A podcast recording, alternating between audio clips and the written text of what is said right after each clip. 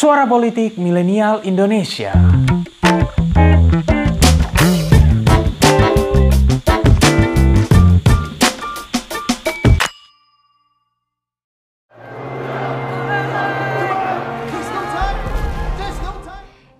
Adalah salah satu pemandangan ketika The Great Library of Alexandria alias Perpustakaan Besar Alexandria diserbu dan dirusak.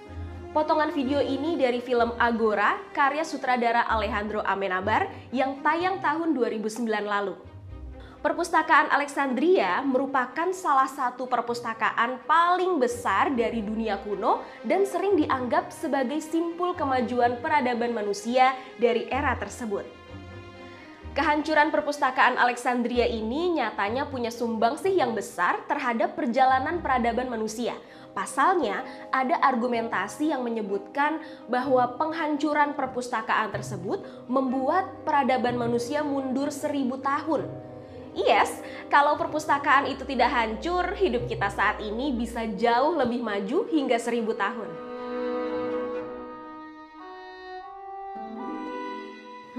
Benarkah demikian? Lalu apa ya yang akan terjadi pada peradaban manusia kalau perpustakaan Alexandria tidak dihancurkan dan bertahan hingga hari ini? Inilah risalah masa depan dari Alexandria.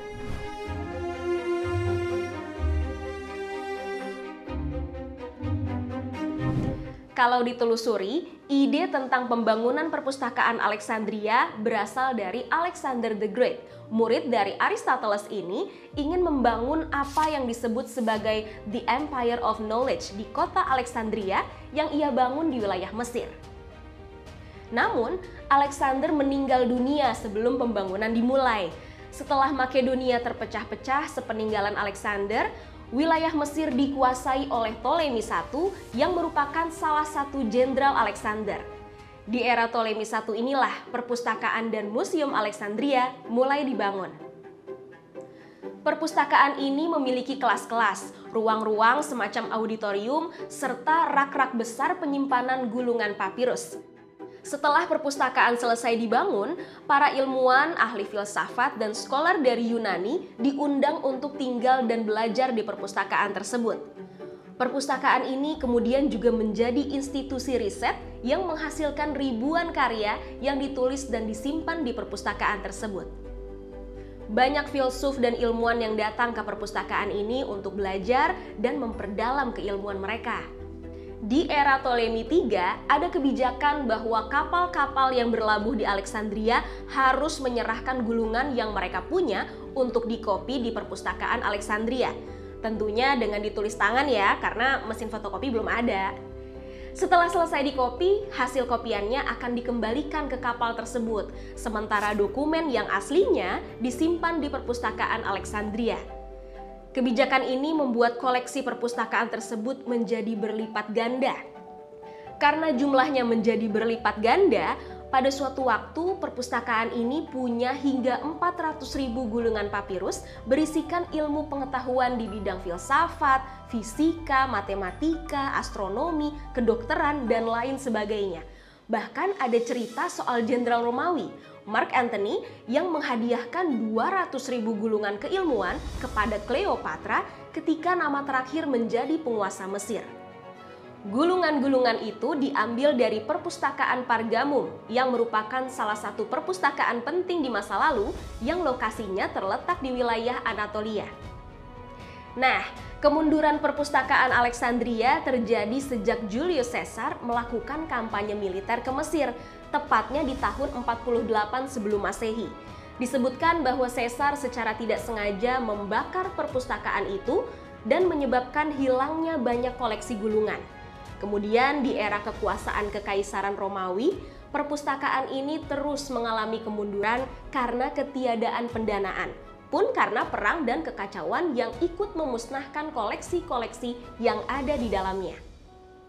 Setelah Romawi berubah dikuasai oleh agama Kristen, perpustakaan ini juga dianggap sebagai ancaman. Bahkan di tahun 415 Masehi, ada ahli matematika bernama Hypatia yang dihukum mati karena mempelajari gulungan-gulungan dari perpustakaan tersebut. Kisah Hypatia itu bisa kalian saksikan di film Agora yang cuplikannya ada di awal video tadi. Nah, konteks persepsi tentang ancaman dari perpustakaan ini juga terjadi ketika Alexandria dikuasai oleh kerajaan-kerajaan Islam. Banyak sejarawan yang menyebut bahwa gulungan-gulungan di perpustakaan Alexandria sebetulnya tidak semuanya musnah, namun mayoritas memang terdampak akibat perang dan kekacauan di waktu-waktu selanjutnya. Kini kita kembali ke pertanyaan awalnya. Apa yang akan terjadi jika perpustakaan Alexandria tidak hancur? Well, besar kemungkinan memang banyak hal yang akan terkuak sejarahnya, baik di bidang keilmuan maupun soal peninggalan-peninggalan dari masa lalu. Di bidang keilmuan, kemungkinan besar peradaban manusia memang bisa berkembang lebih cepat, mengingat banyak koleksi gulungan di perpustakaan Alexandria adalah hasil kajian dan penelitian penting di masa lalu. Salah satunya misalnya kajian Eratosthenes yang pernah menjadi kepala perpustakaan Alexandria. Di tahun 235 sebelum Masehi, ia sudah menemukan bahwa bumi berbentuk bulat dan bahkan mengkalkulasikan diameter dan keliling bumi yang selisih pengukurannya hanya beberapa kilometer saja dari ukuran sebenarnya. Ini bisa mendorong penjelajahan bumi lebih cepat. Kemudian ada Heron atau Hero yang hidup di abad pertama Masehi yang disebut sebagai orang pertama yang menciptakan mesin uap.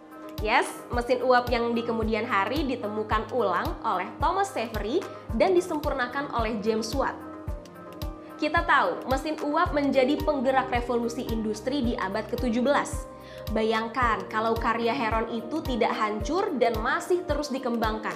Sangat mungkin revolusi industri bisa terjadi lebih cepat di era Romawi.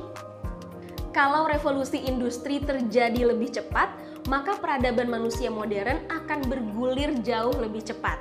Ujung akhirnya, tentu saja tahun 2022 ini mungkin rasa-rasanya akan sama dengan tahun 3022 kali ya, sangat futuristik.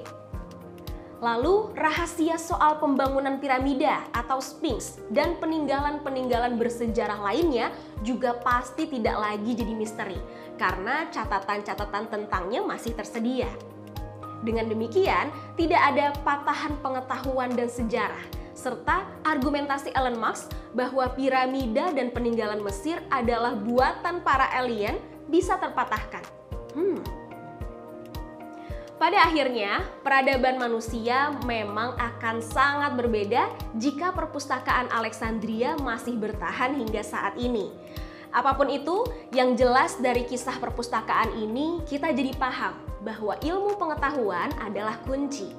Dengan demikian, terus belajar dan menimba ilmu adalah hal yang mutlak yang harus kita lakukan demi kemajuan masyarakat. Jadi, jangan bermalas-malasan dan malas belajar ya. Nah, lalu bagaimana menurut kalian? Akan seperti apa peradaban manusia jika perpustakaan Alexandria tidak runtuh? Berikan pendapatmu.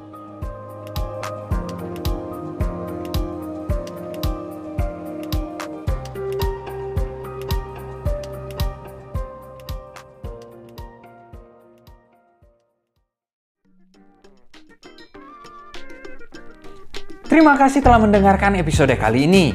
Nantikan episode-episode selanjutnya dan jangan lupa untuk kunjungi pinterpolitik.com untuk dapatkan informasi seputar fenomena politik di Indonesia.